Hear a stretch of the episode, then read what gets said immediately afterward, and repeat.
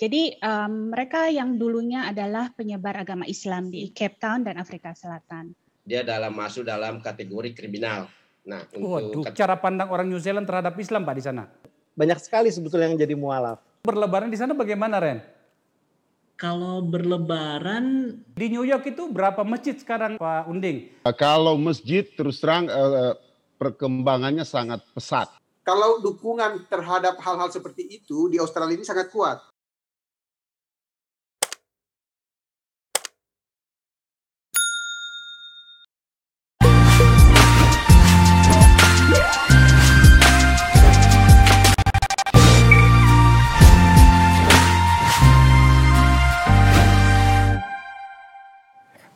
Assalamualaikum warahmatullahi wabarakatuh. Ini adalah edisi Lebaran. Hari ini uh, saya uh, mengunjungi atau menghubungi sahabat sahabat-sahabat di berbagai tempat di permukaan bumi, di berbagai kota di seluruh dunia, untuk bersapa dan untuk saling menceritakan kegembiraan yang tertahan berlebaran tetapi dalam suasana COVID. Belum lagi dengan banyak peristiwa-peristiwa dunia.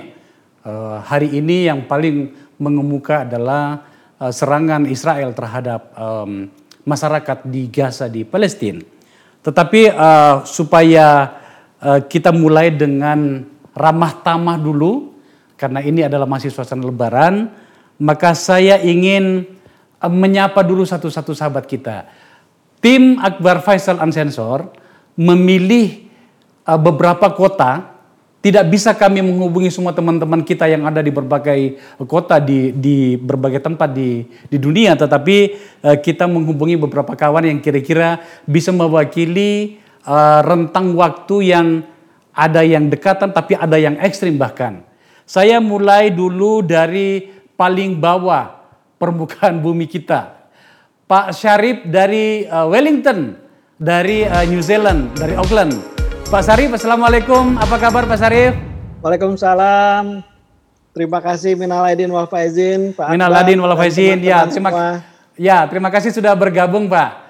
Dari New Zealand, dari Auckland, saya langsung menyeberang ke uh, Kanada, melompat ke atas. Uh, Pak Bruce, di Calgary, Kanada. Pak Bros, apa kabar? Assalamualaikum. Wabarakatuh. Iya. Terima, baik, baik, baik. Terima kasih Pak sudah bergabung dari Calgary.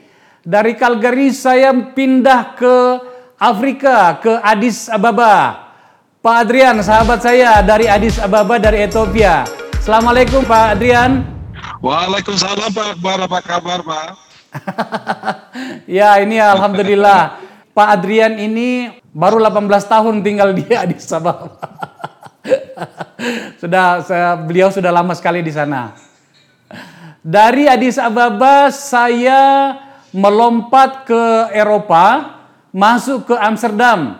Sahabat saya, adik saya Abbas. Assalamualaikum Abbas, apa kabar dari Amsterdam? Waalaikumsalam warahmatullahi wabarakatuh. ya, dari uh, Amsterdam saya kembali lagi ke wilayah selatan, sahabat saya Farid Ma'ruf Ibrahim, seorang wartawan dari Melbourne, dari Australia. Pak Farid, apa kabar? Assalamualaikum. Waalaikumsalam, kabar baik Pak Akbar. Minal izin wal faizin. Minal izin wal faizin. lahir batin buat semua. Ya, dari Melbourne saya naik lagi ke Eropa. Pak Safrisal Ramble dari Kif dari Ukraina. Assalamualaikum Pak Safrizal. Waalaikumsalam. Minal aidin wal faizin Pak Akbar dan rekan-rekan semua. Ya, Terima kasih wal faizin. Ya. Dari uh, Kiev saya melompat ke Amerika Selatan. Pak Ali Murtado dari Rio de Janeiro dari Brasil. Assalamualaikum Pak Ali. Waalaikumsalam Pak Akbar dan kawan-kawan semuanya. ya, Minal wal faizin dan Terima kasih atas undangannya untuk bergabung ini. Pak, terima kasih Pak Ali waktu saya ke Brasil, beliau menemani saya di sana. Dari uh, Brasil saya melompat ke sebuah pulau di dekat Afrika bernama Pulau Madagaskar. Ibu Dian, apa kabar? Baik, Pak Akbar. Pak juga bagaimana? Luar biasa itu. Ini Madagaskar sebuah tempat yang eksotik sebenarnya ya di Afrika sana. Oh, Dan jangan ya. salah, itu banyak bahasa Indonesia yang mirip-mirip dengan bahasa kita di Madagaskar sana. Kadera Ya. lah, apalah nasi segala macam orang makan nasi di sana. Dari Ya. Madagaskar saya melompat ke sebuah tempat yang ya saya harus mengakuinya. Salah satu tempat indah yang pernah saya kunjungi di Afrika. Dari Cape Town, Ibu Frida. Ibu Frida, selama sekali kita tidak bertemu. Ibu Frida apa kabar? Iya, luar biasa. Terima kasih Ibu Frida sudah bergabung. Ibu Frida ini adalah aktivis orang-orang Indonesia yang ada di eh, Cape Town. Dari Cape Town saya melompat ke Tokyo. Adinda Randy, apa kabar dari Tokyo? Baik Pak Akbar, terima kasih atas undangannya. Mohon maaf lahir batin untuk Pak Maaf Akbar. lahir batin gitu semuanya. ya. Pokoknya bagaimana rasanya berlebaran di Tokyo nanti Randy yang akan menjelaskan. Baik. Terakhir saya mau menyapa sahabat saya dari New York, Pak Gusti atau Pak Unding. Saudaraku apa kabar? Baik, Alhamdulillah Pak Akbar. Assalamualaikum semuanya. Maaf lahir batin. Baik, Bapak-bapak, Ibu-ibu sekalian, ah, hari ini dari Jakarta ingin mengajak teman-teman berbicara dan mengabarkan kepada kita. Ini kan COVID sudah dua tahun kita tidak berlebaran bersama dengan keluarga. Saya sendiri sudah dua tahun tidak pulang kampung ini. Saya sudah kasihan orang tua sudah 87 tahun, dua tahun tidak ketemu. Untungnya ada teknologi. Bagaimana seandainya ada teknologi? Dan yang paling menyiksa itu karena saya orang Bugis, tidak bisa lagi makan makan burasa, makan tumbuk di kampung bikinan orang tua. Masya Allah. Nah, kita yang ada di Indonesia ini mengalami kesulitan begitu. Bagaimana dengan teman-teman yang ada di luar sana? Nah, ini makanya saya eh, pengen mengajak teman-teman kabarkan kepada kita bagaimana sih keunikan berlebaran di sana. Nanti kita akan berbicara hal yang lain. Saya mulai dulu dari Cape Town. Ibu Frida, waktu saya ke sana, eh, saya dibawa mengunjungi makam salah seorang penyiar agama Islam dari Sulawesi Selatan. Ya, eh, di sana kuburannya sangat terkenal dan di sana banyak Muslim.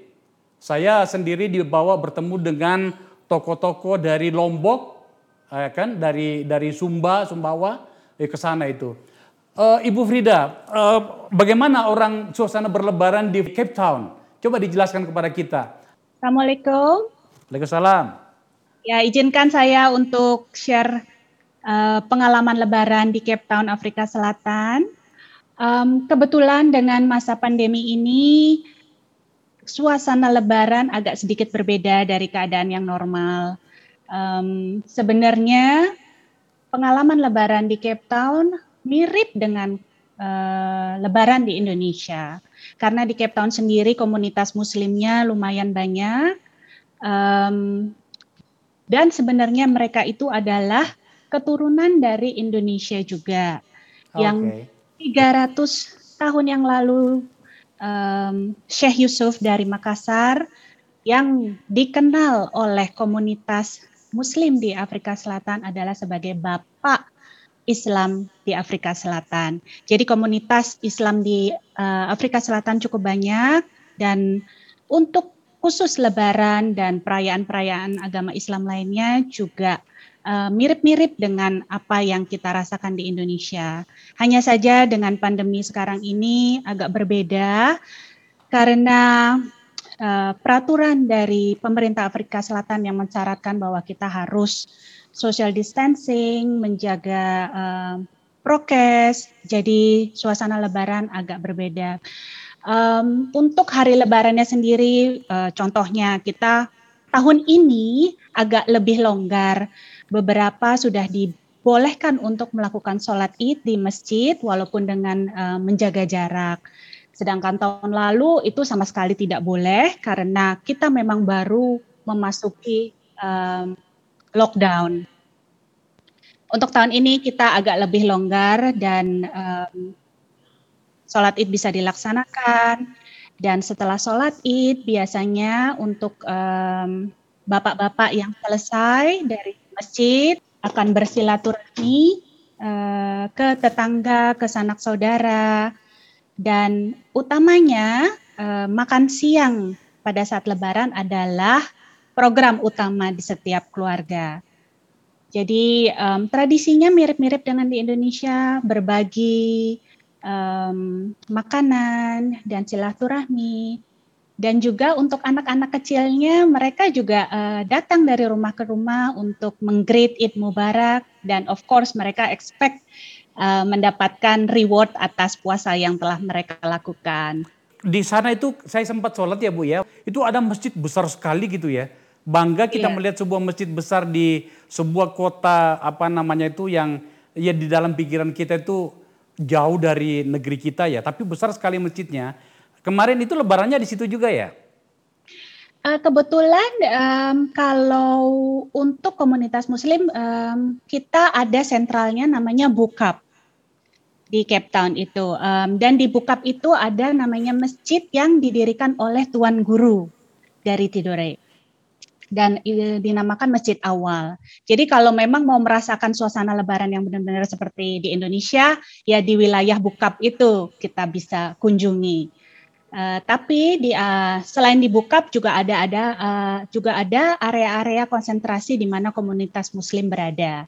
Jadi um, di sekitar daerah Athlone, uh, Rylands, dan uh, beberapa daerah lainnya juga kita bisa rasakan um, suasana Lebaran. Berapa orang warga kita bu sekarang warga negara Indonesia yang ada di di Cape Town ya? Enggak terlalu banyak ya ternyata ya? Uh, untuk warga negara Indonesia di Cape Town kita tidak terlalu banyak, uh, sekitar 130-an termasuk uh, dari keluarga besar KJRI Cape Town.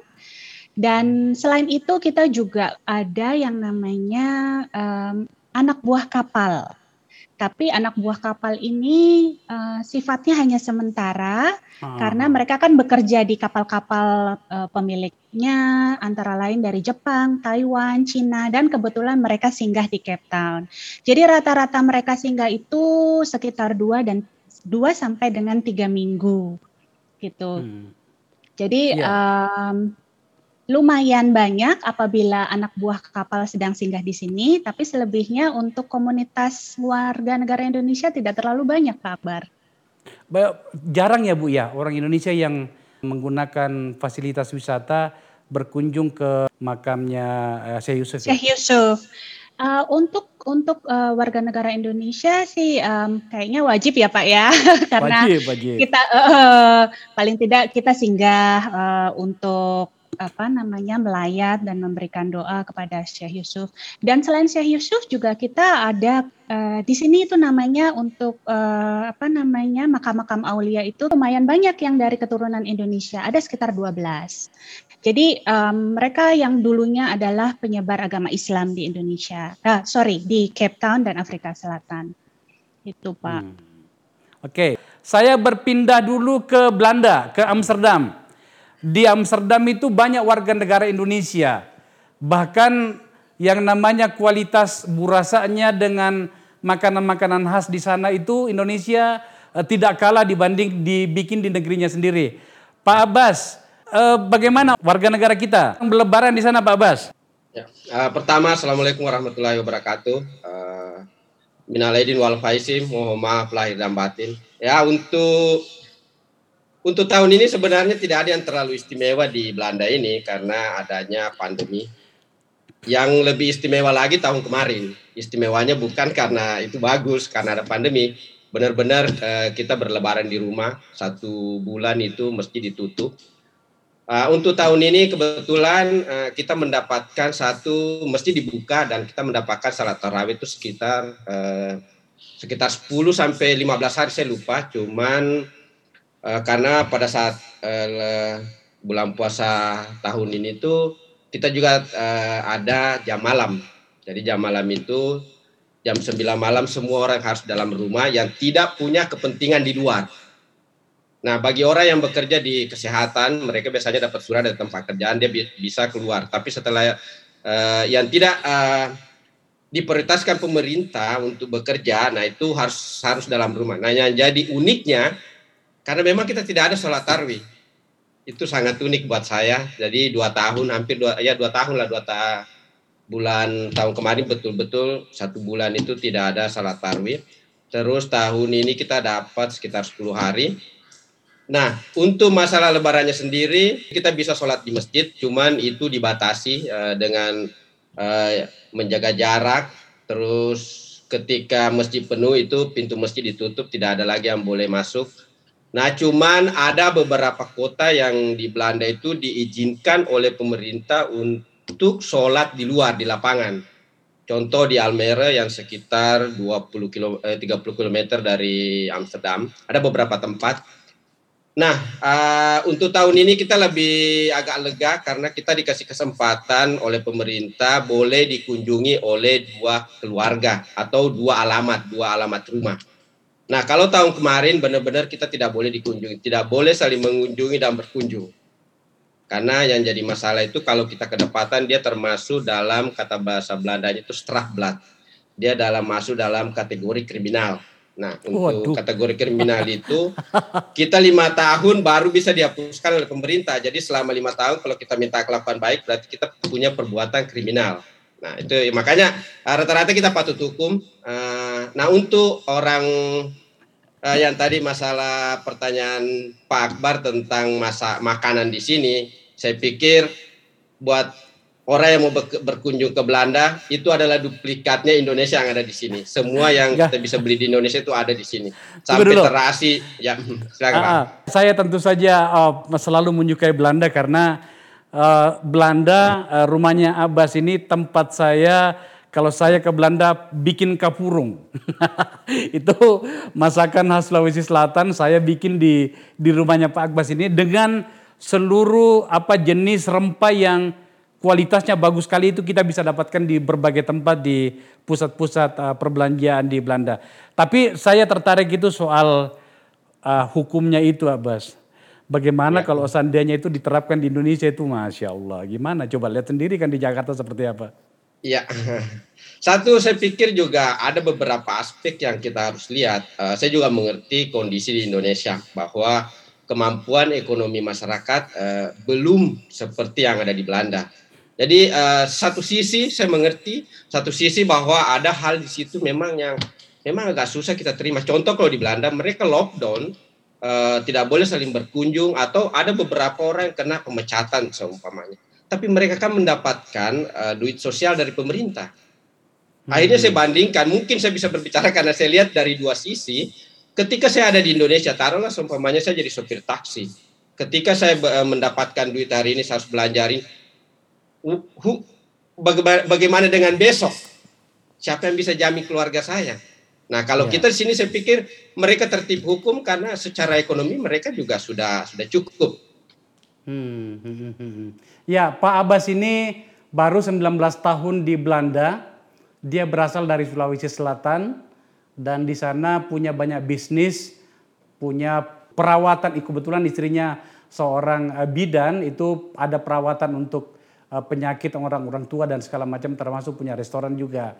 Jadi uh, Pak Abbas ini lumayan tahu lah tentang Belanda karena baru 19 tahun di sana ya. Dari Belanda saya melompat dulu ke ke um, New Zealand. Pak Sarif, uh, di New Zealand itu adalah salah satu negara yang kita catat sebagai negara yang sangat sukses menghadapi COVID. Dan uh, hari ini uh, kelihatannya masih seperti itu. Nah saya mau bicara tentang Lebaran Pak Sarif. Bagaimana teman-teman orang-orang Indonesia di sana berlebaran? Ini kan mau tidak mau Anda tidak bisa pulang ke Jakarta juga, ke Indonesia juga. Iya, iya betul. Jadi uh, kita mesti mundur satu tahun sebelumnya. Kebetulan New Zealand itu kena pandemi uh, sebulan setelah Indonesia. Indonesia itu sekitar awal Maret tahun lalu lalu uh, New Zealand. Nah, New Zealand itu memang set, uh, pada saat bulan Januari uh, masyarakat New Zealand sudah diinformasikan oleh pemerintah pusat bahwa kemungkinan besar New Zealand itu akan terkena juga dampak uh, COVID. Nah, itu di bulan Januari sekitar tanggal 21. Uh, jadi akan diberlakukan sekali uh, darurat uh, nasional. Nah, saat itu kita baru dengar COVID itu namanya apa ya? Corona itu pneumonia dari Wuhan. Jadi tidak terlalu care. Tapi karena itu tiap hari diberitakan dan akhirnya kita uh, terkena pada saat menjelang bulan puasa. Nah itu dinyatakan COVID. Jadi pada saat COVID ada betul-betul lockdown. Jadi betul-betul lockdown itu artinya lockdown yang uh, dari luar itu tidak bisa ada ada masuk orang gitu kan. Terus di daerah di kota-kota itu memang tertutup, terbatas sekali. Jadi yang hanya ber, boleh bergerak itu orang-orang yang bekerja di sektor esensial. Pak Pak Sarip, eh, berapa banyak orang Indonesia yang ada di New Zealand? Ya, uh, warga negara Indonesia yang artinya maksud saya warga negara Indonesia itu yang ma masih memiliki paspor Indonesia itu sekitar 7.000.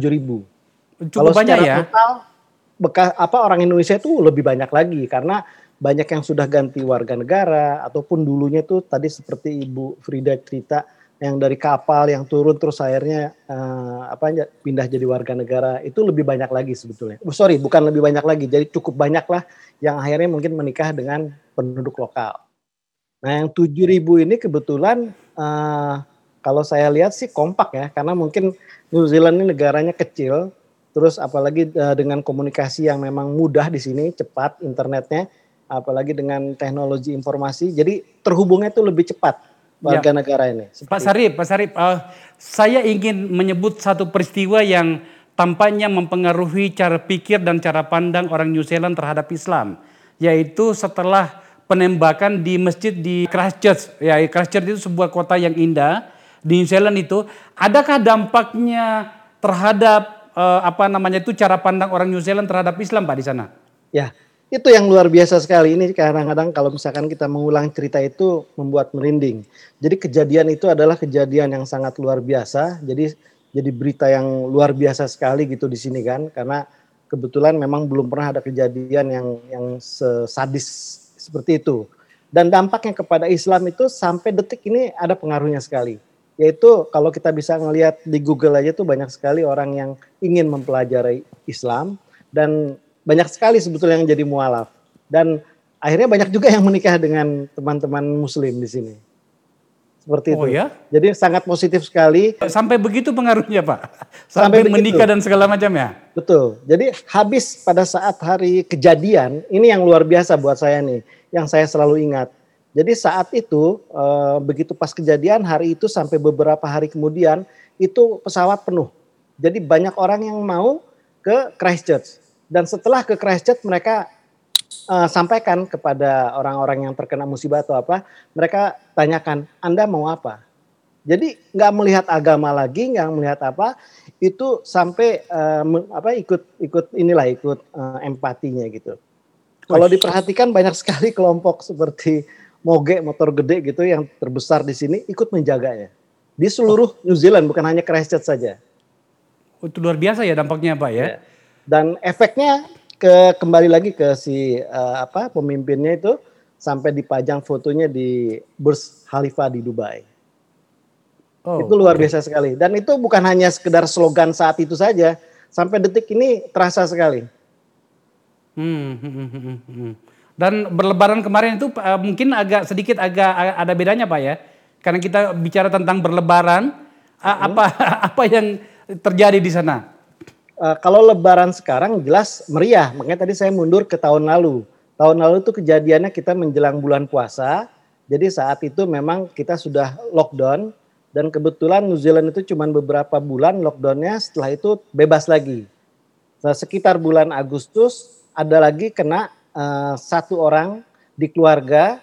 Nah itu langsung lockdown. Kebetulan ada satu family tiga orang yang terkena langsung lockdown lagi. Tapi lockdown Auckland, nggak seluruh New Zealand. Ya, Sekitar ya. 10 hari tidak ada lagi di community case-nya hilang, baru dibuka lagi. Sampai dengan akhir Januari kemarin yang kena ada dari uh, varian South Africa sama Inggris. Iya, iya.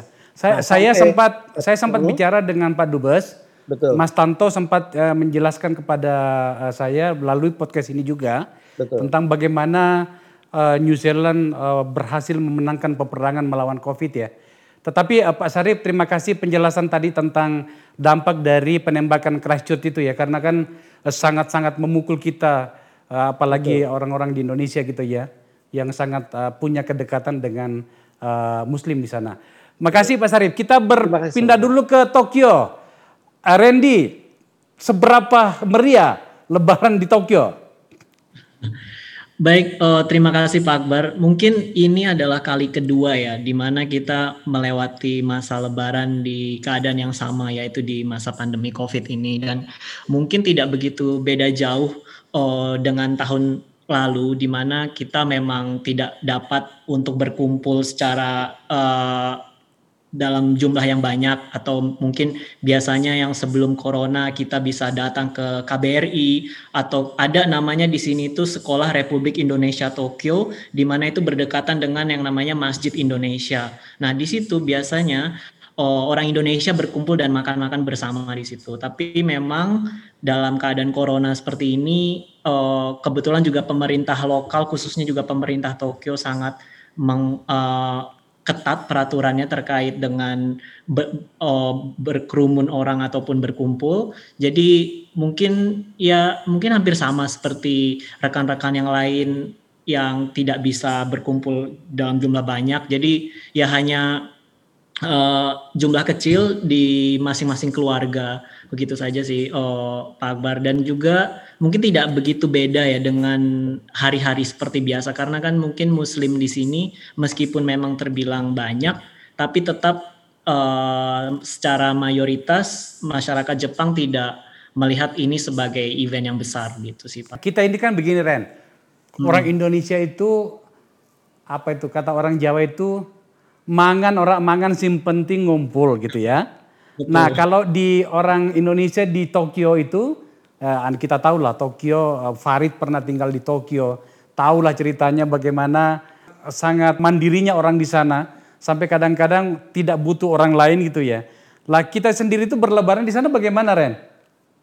Kalau berlebaran uh, mungkin malah banyak Pak yang tidak merasa bahwa Lebaran harus berkumpul satu hari penuh dan berkumpul dengan oh, rekan-rekan yang lainnya gitu. Bahkan kalau mungkin boleh sedikit bercerita kemarin saat di hari H Lebaran saya hanya ngambil mengambil cuti setengah hari. Jadi hanya pagi saya berkumpul dengan beberapa uh, teman-teman dekat orang Indonesia yang ada juga yang bekerja ataupun yang berkuliah studi di sini. Uh, lalu kita makan-makan sampai siang. Lalu siang kita sudah uh, pisah dan kita melanjutkan uh, apa kegiatan masing-masing lah. Jadi saya merasa bahwa sepertinya lebaran itu hanya terasa dari jam 7 sampai jam 11 siang. Jadi sholat, makan uh, masakan Indonesia tentunya, setelah itu lalu selesai gitu. Jadi mungkin tidak begitu banyak. Tapi kalau yang saya sedikit tahu di sini ada yang namanya KMII atau Komunitas Masyarakat Islam Indonesia yang menurut saya mempunyai uh, solidaritas dan manajemen komunitas yang sangat kuat yang mana mereka juga oh, melakukan kumpul bersama di Masjid Indonesia yang ada di oh, wilayah Tokyo dan mereka mak oh, sholat dan makan bersama juga. Randy memang dari asal mana di Indonesia?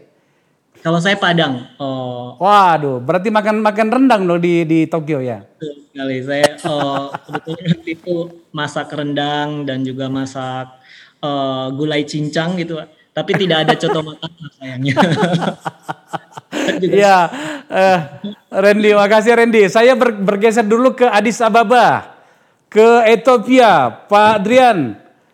Ini Pak Adrian ini adalah, nah ini dia perlu saya declare pada teman-teman nih. Ya. Dia adalah General Manager ya, Indomie. Waalaikumsalam. Ini beliau inilah ya, orang yang berhasil memaksa tanda petik orang Afrika mencintai Indomie. Luar biasa. Jadi Indomie sekarang adalah makanan mewah orang di Afrika. Pak Pak Drian, bagaimana orang iya. berlebaran di Addis Ababa? Ya, ya Alhamdulillah Ethiopia adalah negara dengan 115 juta penduduk. 45 persen dari mereka itu adalah uh, Muslim, Pak. Pak. Ya. Uh, jadi uh, komunitas apa uh, orang Ethiopia sendiri sudah dapat 5 persen dan uh, hari Lebaran Idul Fitri sudah menjadi uh, hari libur nasional. Tapi cuma satu hari Pak. Begitu. Eh, jadi pada hari Lebaran juga anu ya, makan Indomie juga Pak Adrian? Betul Pak. Habis makan ketupat kita makan Indomie. iya. luar biasa, luar biasa. Ya. Jadi uh, mereka anu Pak ya, mereka uh, Jadi bagaimana? kultur orang sini mirip dengan Indonesia juga sebenarnya Pak. Nah, kalau Ramadan contohnya untuk berbuka puasa orang sini terbawa dengan kultur Arab di mana mereka suka goreng-gorengan, ada sambosa. Nah, kita kan juga begitu, ada bakwan, ada tempe goreng, tahu goreng. Nah, kalau orang sini mengikuti kulturnya Arab, mereka suka masak sambosa, Pak. Jadi kalau kita diundang berbuka puasa ke rumah mereka, selalu ada sambosa untuk membukanya begitu. Untuk suasana Lebaran di sini cukup ramai tahun ini, Pak, Pak Akbar, di mana ada libur satu hari libur nasional dan perayaan Idul Fitrinya. Karena selalu dari tahun-tahun sebelum selalu ada kita sholat sholat id bersama di alun-alunnya ibu kota namanya Meskel Square. Itu adalah senternya Addis Ababa. Di situ ada lapangan luas, ada stadium dan lapangan luas, jalan luas begitu. Jadi ya, kita berkumpul di sana. Jadi kalau sudah bicara bersalat id di Meskel Square itu udah hitungannya udah ratusan ribu orang Pak. Sholatnya agak yeah. telat jam 9 karena dari segala penjuru datang. Dia menunggu uh, jemaah hadir dari segala penjuru. Jadi kita untuk parkir aja kita harus parkir satu kilometer bahkan dua kilometer sebelum mencapai ke lokasi. Hmm. Kita mulai sholatnya jam 9 nanti bubar-bubar hampir jam 10 gitu Pak. Ya. Nah untuk tahun ini uh, dari pemerintah Ethiopia tidak terlalu ketat, jadi kita untuk sholat ya di welcome aja selama mengikuti uh, protokol kesehatan, pakai masker gitu.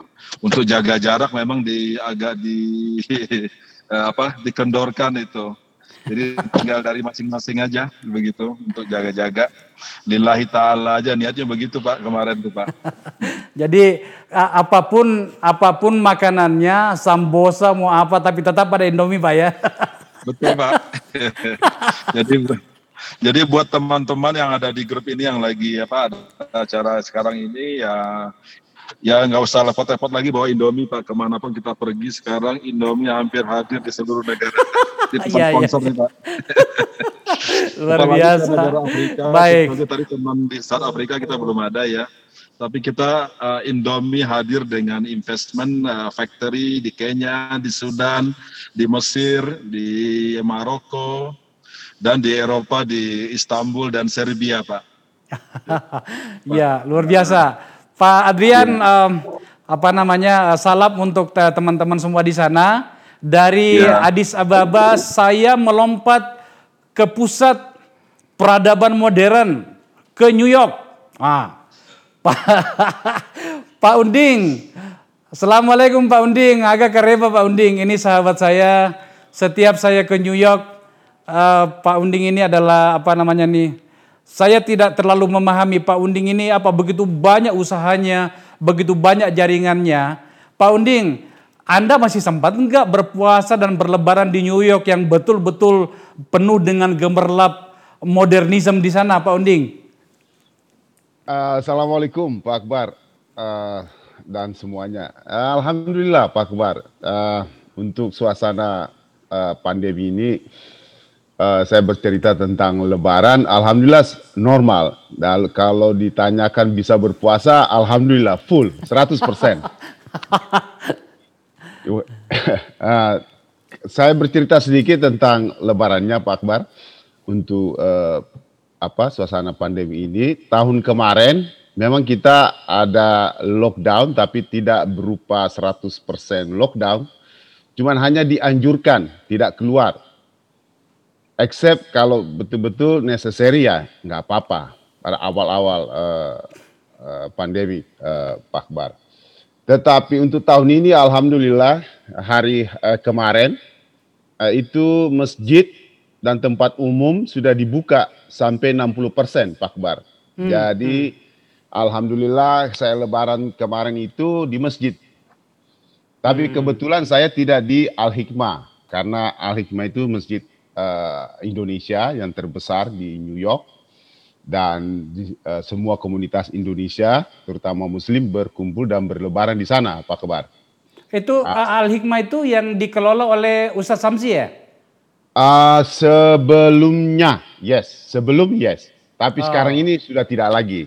Oke, okay, oke. Okay. Sudah tidak lagi, ya. Nah, terus uh, suasana Lebaran, alhamdulillah setelah kita salat Id, karena kebetulan di sini sudah ada eh, apa komunitas Sulawesi Selatan yang dinamakan KKSS dan sudah di apa sudah dilegalitaskan juga KKSS pusat lewat Yusuf Kalla tiga tahun lalu. Hmm. dan kita apa eh, lebarannya eh, sangat normal sama dengan di ma, di mana? Di Jakarta di Makassar. Di di New York itu berapa berapa masjid sekarang eh, Pak Pak Unding selain yang dikelola oleh orang Indonesia juga kan uh, dikelola oleh orang Pakistan, kemudian uh, ada dari Arab juga ya, dari orang Qatar gitu. Betul, betul Pak Akbar. Uh, kalau masjid terus terang uh, perkembangannya sangat pesat kalau masjid. Karena kebetulan khusus kalau saya bercerita khusus orang Sulawesi Selatan, ada namanya Pak beliau Pak Amir, itu sudah dua masjidnya Pak Akbar. Jadi hmm. Masjid Nurul Amiruddin dan yang satu dan Masjid Nurul Amiruddin yang kedua. Jadi orang Indonesia sudah punya eh, tiga, tiga Pak Akbar untuk orang Indonesia. Tapi kalau untuk Arab banyak sekali, terutama yang di Brooklyn, yang sentralnya di Atlantic Avenue, terus yang paling besar di New York City, Islamic Center New York City, itu adanya di Manhattan, Upper Upper Manhattan, Upper East Side, 96 Street, itu yang terbesar Pak Akbar dan hmm. itu yang uh, Indonesia juga ikut andil di situ. Hmm. Kalau saya lihat sejarahnya masjid itu, uh, tetapi yang men, apa istilahnya yang banyak andil itu dari Kuwait Pak Akbar. Hmm. hmm, hmm, hmm. Nah, terus suasana Lebaran, alhamdulillah kita baik-baik aja, maksudnya normal. Kita makan coto, ada ketupat, ada rendang, semuanya. Makanan Nusantara ada, sampai kerupuk ada. Ya. Sampai terong apa itu? Terong pete juga ada. Terong balado juga ada. Ya, terong balado ya, terong balado semuanya ada Pak Bar. Pokoknya uh, kita nggak miss lah. sama. Pak Unding, saya mau tahu perkembangan uh, pesantren pertama di permukaan bumi di Amerika Serikat bernama yang dikelola oleh Ustaz Samsi. Bagaimana perkembangannya sekarang? Jadi uh, teman-teman, bapak-bapak mungkin sudah tahu bahwa Pak Ustaz Samsi Ali itu mendirikan sebuah pesantren di di New York di uh, di sekitar di luar kota New York itu itu uh, luar biasa itu membeli sedikit demi sedikit lahannya dan uh, saya lihat itu uh, komunikasi terakhir saya dengan Pak Ustadz Samsi itu uh, semakin membesar. Uh, bagaimana perkembangannya Pak Unding? Alhamdulillah saya juga uh, salut dengan ke Pak Samsi karena dia apa uh, orang Indonesia yang mau dibilang pertama ya bikin pesantren dan itu termasuk besar Pak Akbar. Tetapi uh, tidak di New York State, tidak di New York City, dia adanya di Connecticut. Connecticut, ya. Iya, dia adanya Connecticut itu kira-kira dua jam lah drive, kira-kira 120 mile Pak Akbar dari New York City.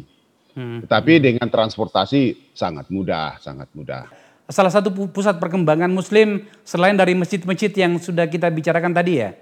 Betul, betul Pak Akbar, betul, betul, betul. Luar biasa. Uh, kalau ya, ya itu tadi saya bilang saya salut karena misi visinya bagus, terutama untuk perkembangan Islam yang ada di Amerika.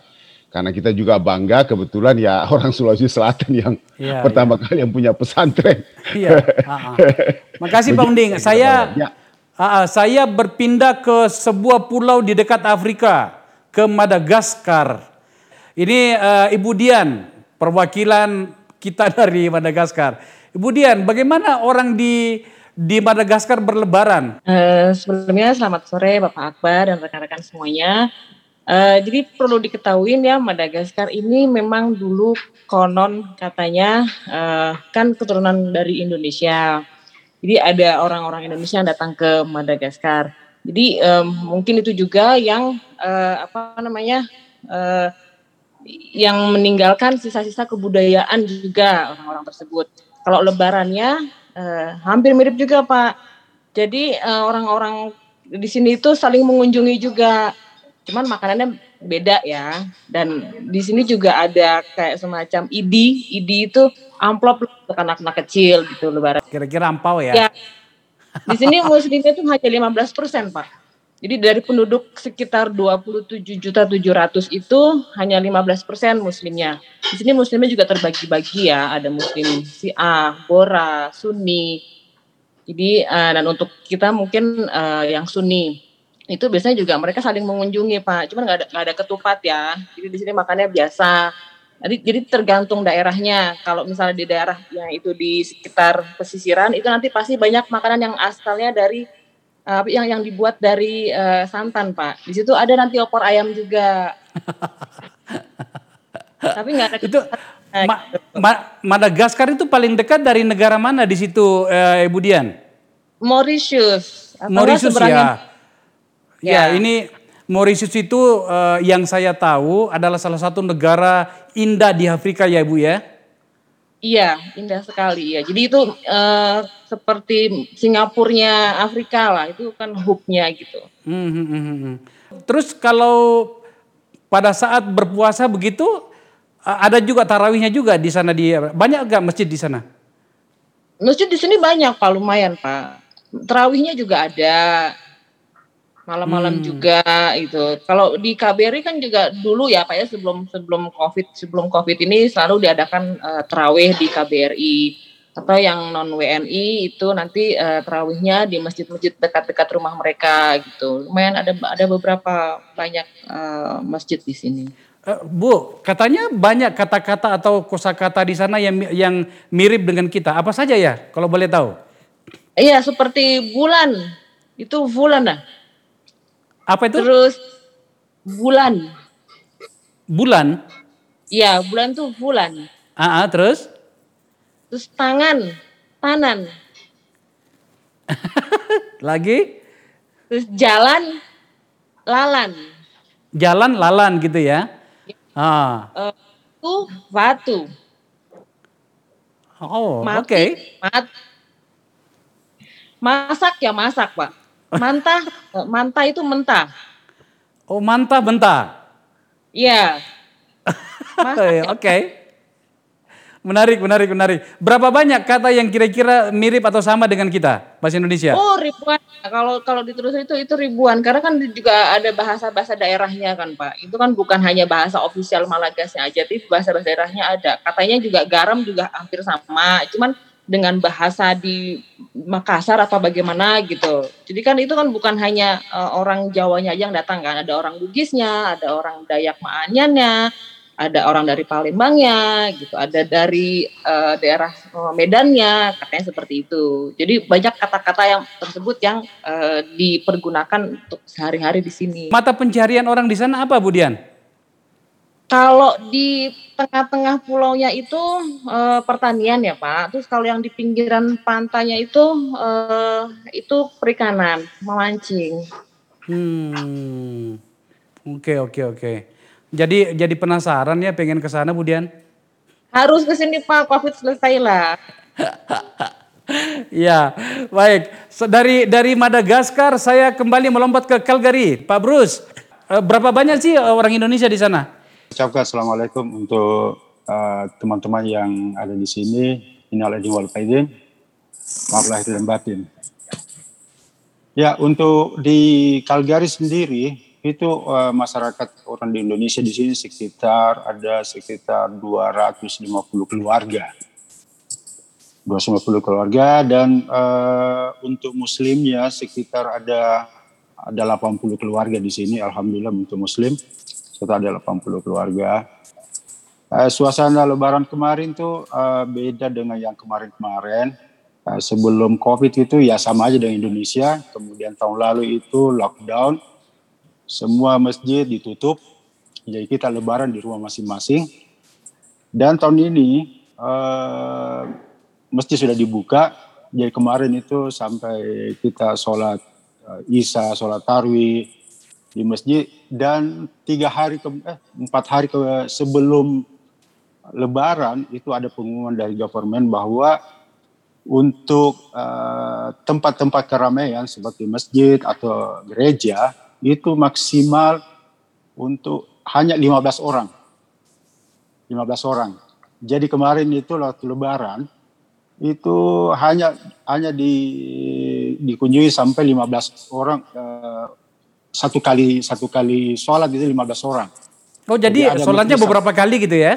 Iya, ada beberapa kali karena memang uh, kapasitas uh, apalagi uh, jumlah masyarakat muslim di sini selain Indonesia ya alhamdulillah uh, semakin tahun semakin banyak gitu yang dari imigran gitu. Hmm, uh, hmm, hmm. Jadi kemarin itu kita lebaran, uh, ada yang lebaran di rumah sendiri, dan kemudian ada yang uh, istilahnya memanggil teman-teman yang Indonesia, itu sampai 15 orang, kita tidak boleh melebihi 15 orang gitu, dengan jarak distancing juga ada. Pak Bruce, dan di sana tidak ada tidak ada orang yang berani melawan aturan ya?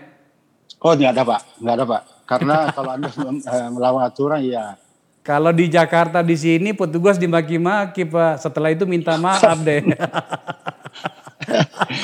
ya alhamdulillah di sini Pak berjalan lancar semua, berjalan lancar dan juga sekarang ini yang masalah juga jadi kita juga tidak bisa artinya pulang ke rumah, pulang ke balik ke Indonesia untuk sementara karena uh, betul-betul diprotek gitu. Betul-betul diprotek. Kalau Anda kembali ke misalnya ke negara anda misalnya kunjungan dan baliknya lagi di sini harus harus masuk karantin dan ditentukan dan harus bayar 2000 dolar Pak per orang. Nah, itu luar biasa kan? Jadi luar biasa. Uh, cerita Pak Bruce ini sama dengan cerita Pak Abbas tadi. Kira-kira gambarannya begini ini. Uh, you harus ikut aturan kalau tidak you dihukum. Tadi bahkan di Belanda itu sampai kena pidana lima tahun baru diputihkan oleh pemerintah ya Pak Abbas ya.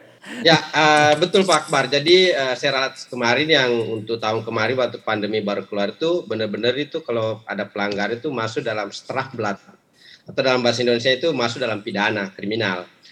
Nah uh, jadi memang uh, mereka memang taat hukum. Kita harus akui bahwa mereka memang taat hukum Pak Akbar. Iya, oke. Okay. Dari dari Calgary saya melompat ke Amerika Latin. Pak Ali dari Brasil, dari Rio de Janeiro. Pak Ali sekarang di Rio atau di Brasil, di kota Brasil? Uh, Assalamualaikum Pak Akbar dan Salam. Uh, kawan-kawan semuanya. Saat ini saya ada di Brasilia Pak, di ya. ibu kota Brazil. Saya dari Rio, terbang ke sana, itu dua jam gitu. Pak Ali coba diceritakan ke kita, itu kan kota itu agak sepi ya. Uh, bagaimana ya, berlebaran di sana Pak? Uh, Assalamualaikum warahmatullahi wabarakatuh. Salam. Sebelumnya, uh, ibu kota Brazil itu namanya Brasilia. Jadi sebelum saya cerita tentang Lebaran di Brazil, sedikit saya ceritakan tentang kota Brasilia.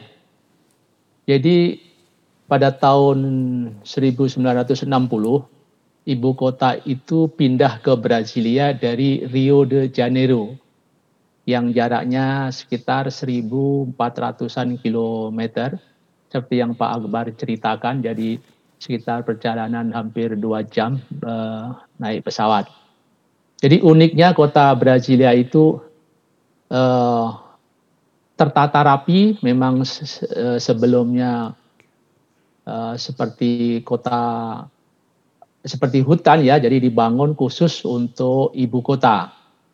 Jadi ter, lumayan rapi dan sepi dan semua tertata menurut blok-blok satu misal blok kedutaan, blok perbankan, blok perumahan begitu. Jadi kotanya bagus sekali dan mungkin bapak-bapak kalau ibu-ibu bisa lihat di Google gitu kota yang paling luas daerah tamannya di seluruh dunia. Jadi antara rumah dengan rumah, kantor dengan kantor itu banyak taman-taman hijau. Jadi cukup segar lah. Hmm, uh, yeah. Sekarang menginjak ke Lebaran di Brazil. Brazil ini penduduknya hampir sama di Indonesia, jadi 200 sekitar 214 juta. Tapi uh, orang Muslim hanya 7 persen dan kebanyakan itu dari uh, Timur Tengah. Jadi orang Indonesia yang ada di Brazil itu kira-kira hanya 300-an orang yang tersebar di seluruh kota dan yang paling banyak ada di kota Sao Paulo itu kota perdagangan yang terbesar di Amerika Latin dengan penduduk kurang lebih 44 juta. Nah, di situ banyak uh, kaum muslimnya juga dari berbagai negara. Sekitar ada 100 eh sekitar di seluruh Brazil itu ada 115 masjid. Tapi di Sao Paulo sendiri ada tujuh masjid. Kalau kami ada di Brasilia itu hanya ada dua masjid. Yang satu adalah Masjid Islamic Center, itu dikelola oleh uh, kedutaan Arab, kedutaan Saudi Arabia, dan dipimpin oleh imam masjid dari Mesir. Jadi kalau komunitas Islam di Brasilia ya tidak lebih dari 100-200 orang dan kebanyakan ya turunan dari Timur Tengah. Kalau orang Indonesia ya hanya orang kedutaan aja, hanya kira-kira 30 ya, 24 ya. orang lah, 24 orang. Iya, iya. Sudah sudah berapa tahun Pak Ali di di Brazil? Di, di kota Brasilia? saya sudah uh, hampir 30 tahun, Pak. iya ya. Ada di 30 tahun di Brasilia atau di Rio de Janeiro? Di Brasilia, Pak. Dari ibu kota dari Rio ke Brasilia sudah dari tahun 1960. Iya, jadi uh, perlu kita sampaikan juga bahwa sebenarnya konsep gedung parlemen kita di Jakarta itu itu mirip-mirip dengan gedung parlemen yang ada di kota Brasilia itu. Waktu saya datang ke gedung parlemen itu dalam hati saya, lo kok konsepnya mirip-mirip dengan kita ya tempat saya berkantor dulu itu. Jadi uh, memang uh, makanya saya tampaknya uh, beberapa kawan yang sedang merencanakan untuk memindahkan uh, ibu kota Jakarta ke Penajam Pasir Utara di Kalimantan itu kayaknya perlu juga berkunjung ke ke kota Brasilia itu. Karena kelihatannya uh, rapi tertata tapi sampai sekarang kelihatannya memang sepi banget ya Pak Ali ya. Ya, sepi banget Pak. Nah, hmm. Mengenai uh, Lebaran juga begitu. Uh, untuk tahun ini memang uh, agak beda dengan tahun yang sebelumnya. Kita sudah boleh diperbolehkan sholat di masjid, tapi dengan menjaga jarak dan protokol kesehatan yang ketat. Ya, masjid uh, bisa menampung sekitar 200 orang, tapi untuk Lebaran ini sangat terbatas dengan jarak kalau sholat itu satu setengah sampai dua meter. Hmm. Dan suasananya ya beda sangat beda jauh lah dengan dari Indonesia ya. Orang Indonesia cuma sedikit. Dan biasanya habis sholat kita kumpul sebentar ada makanan ya dari masing-masing jamaah membawa makanan dari khas negaranya masing-masing bawa dihidangkan nanti dimakan bersama-sama ngobrol di situ sebentar habis itu sudah pulang. Suasananya begitu aja. Pak Ali orang dari mana Pak saya dari Surabaya, istri dari Bugis, Pak. ya, dapat orang Bugis juga ya. di mana-mana ada orang Bugis, Pak, di dunia, Pak. Neng di neng Surabaya, neng di, Pak? Di Perak, Pak. Oh, Perak atau Tanjung iya, ta? Iya Pak, ikan gurami Pak, Tanjung Perak. Saya pernah tinggal di Tanjung Karang situ. Baik. Iya. Dari dari Brasilia saya masuk ke Eropa dulu. Pak Safrisal Ramble, apa kabar dari Kiev, dari Ukraina? Itu berlebaran di di negara Eropa itu seperti apa, Pak? Ya, jadi begini, Pak. Di Ukraina memang Muslim itu uh, minoritas, Pak ya dari kira-kira 50 juta penduduk Ukraina, Muslim itu sekitar 3 atau 4 persen saja. Dan mayoritas itu eh, kalau suku aslinya itu dari orang Tartar. Nah, kalau di Kiev saya kira mungkin hanya sekitar 40 ribu atau 50 ribu eh, penduduk yang eh, beragama Muslim. Dan kemudian juga Islam pusat-pusat Islam terkonsentrasi di dua masjid besar. Itu pertama Ar-Rahmah dan kemudian Islamic Center Kultural yang di Masjid Ar-Raid. Jadi kalau kita berbicara soal suasana lebaran, ya memang suasana lebaran karena muslim ini minoritas di sini, maka kemudian itu terasa ya kalau misalkan kita berada di dua dua tempat tersebut kalau Idul Fitrinya sendiri uh, tidak tidak tidak dijadikan hari libur, tidak. Begitu Pak Akbar. Terus kemudian kalau penduduk uh, WNI sedikit di sini Pak.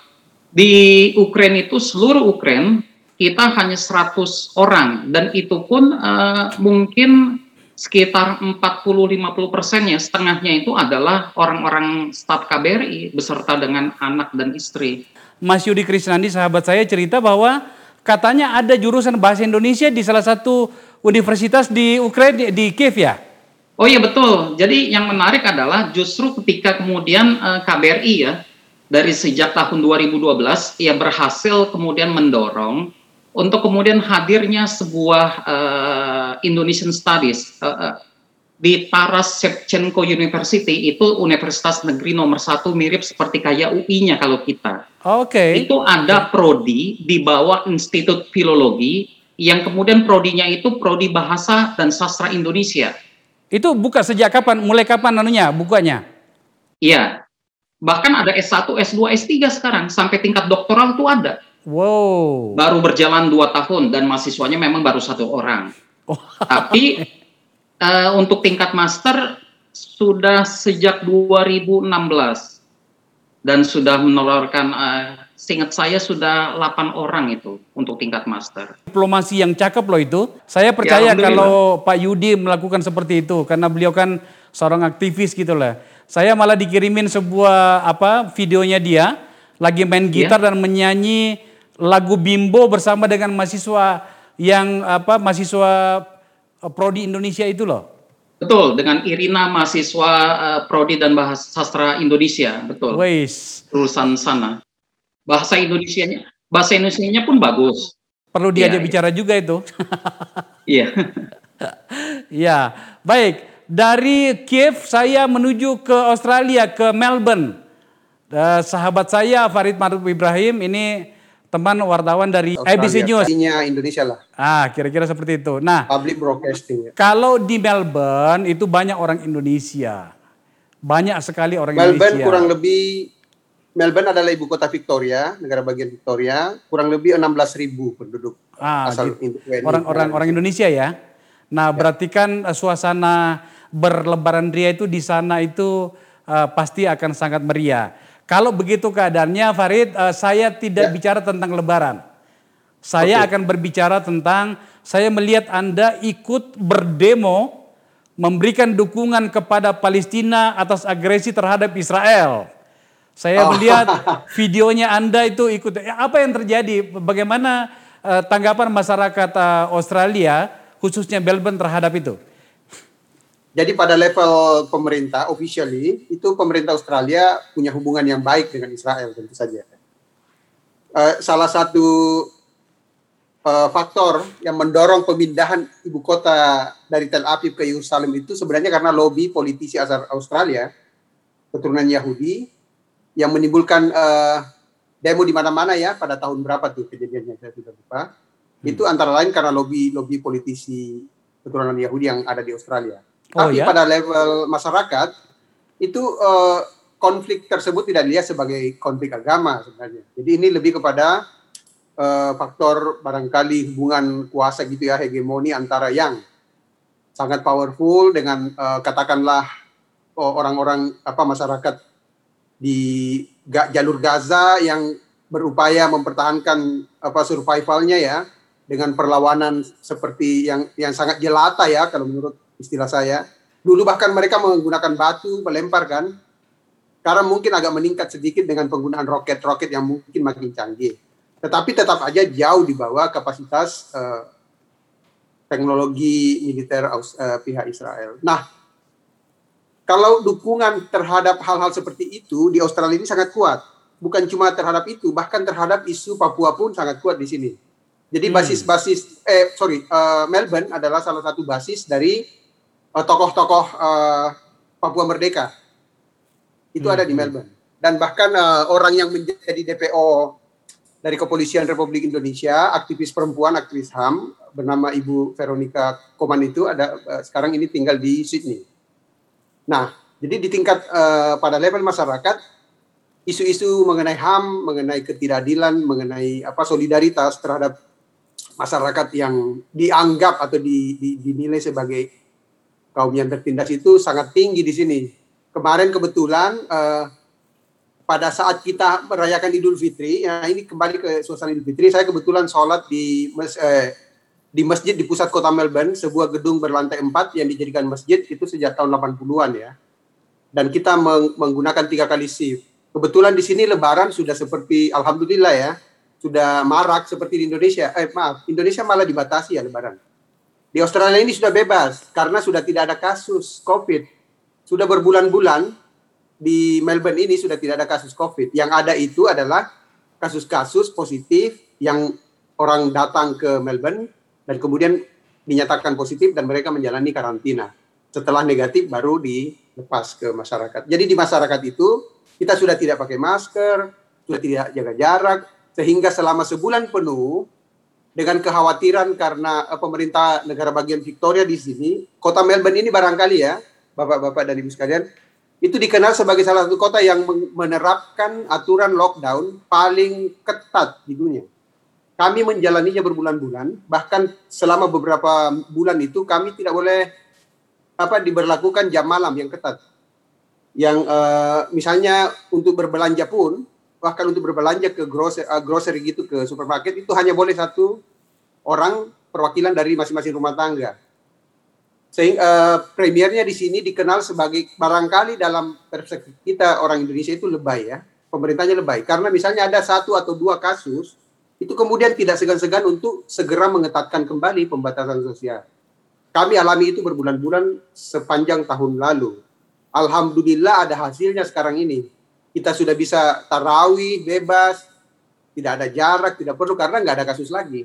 Okay. Itulah juga sebabnya menga menga menjelaskan mengapa dan ini uh, apa berlaku juga di kota-kota besar Australia lainnya ya termasuk Sydney, Perth, Adelaide, Canberra uh, ada kecenderungan bahwa antara cara pemerintah federal dengan pemerintah negara bagian itu berbeda. Sama barangkali konteksnya ya di Indonesia. Antara pemerintah pusat dengan eh, pemerintah berbagai provinsi kadang-kadang ada tidak nyambung ya. Di sini juga seperti itu. Tetapi bedanya adalah kalau pemerintah federal di sini cenderung untuk melonggarkan uh, pembatasan sosial tersebut, pemerintah Premier Victoria ini terkenal sebagai orang atau politisi yang tidak segan-segan menerapkan aturan uh, lockdown yang sangat ketat.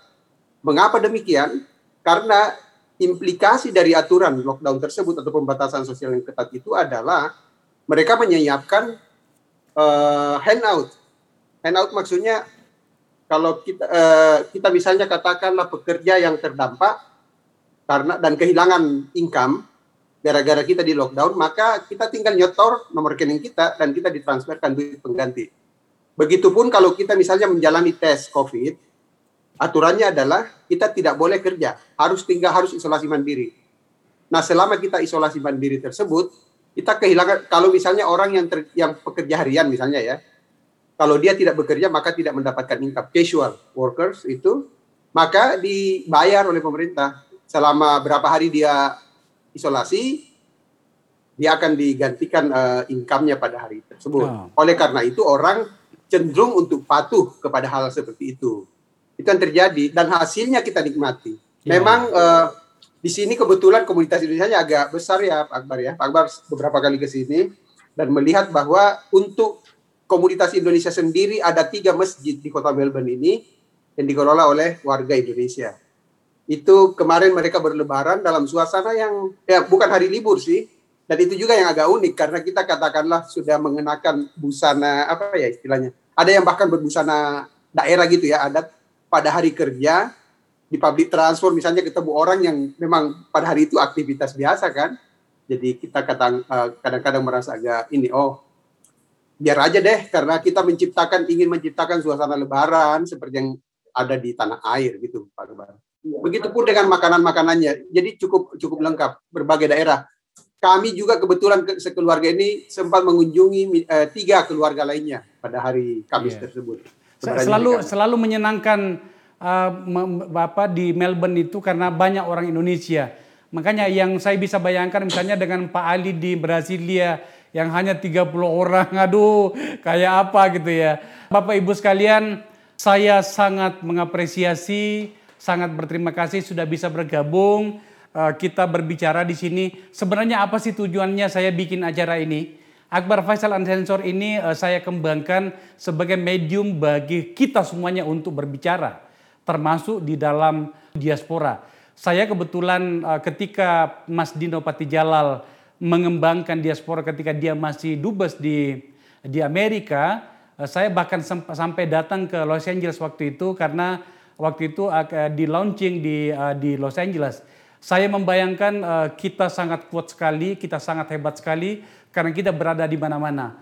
Ini karena keterbatasan waktu saja, saya hanya mengundang dari beberapa kota di dunia. Kalau kita mau undang semuanya ya kita bisa berbicara dua hari dua malam karena ternyata orang Indonesia ada di mana-mana. Ibu Frida ada di Cape Town itu luar biasa.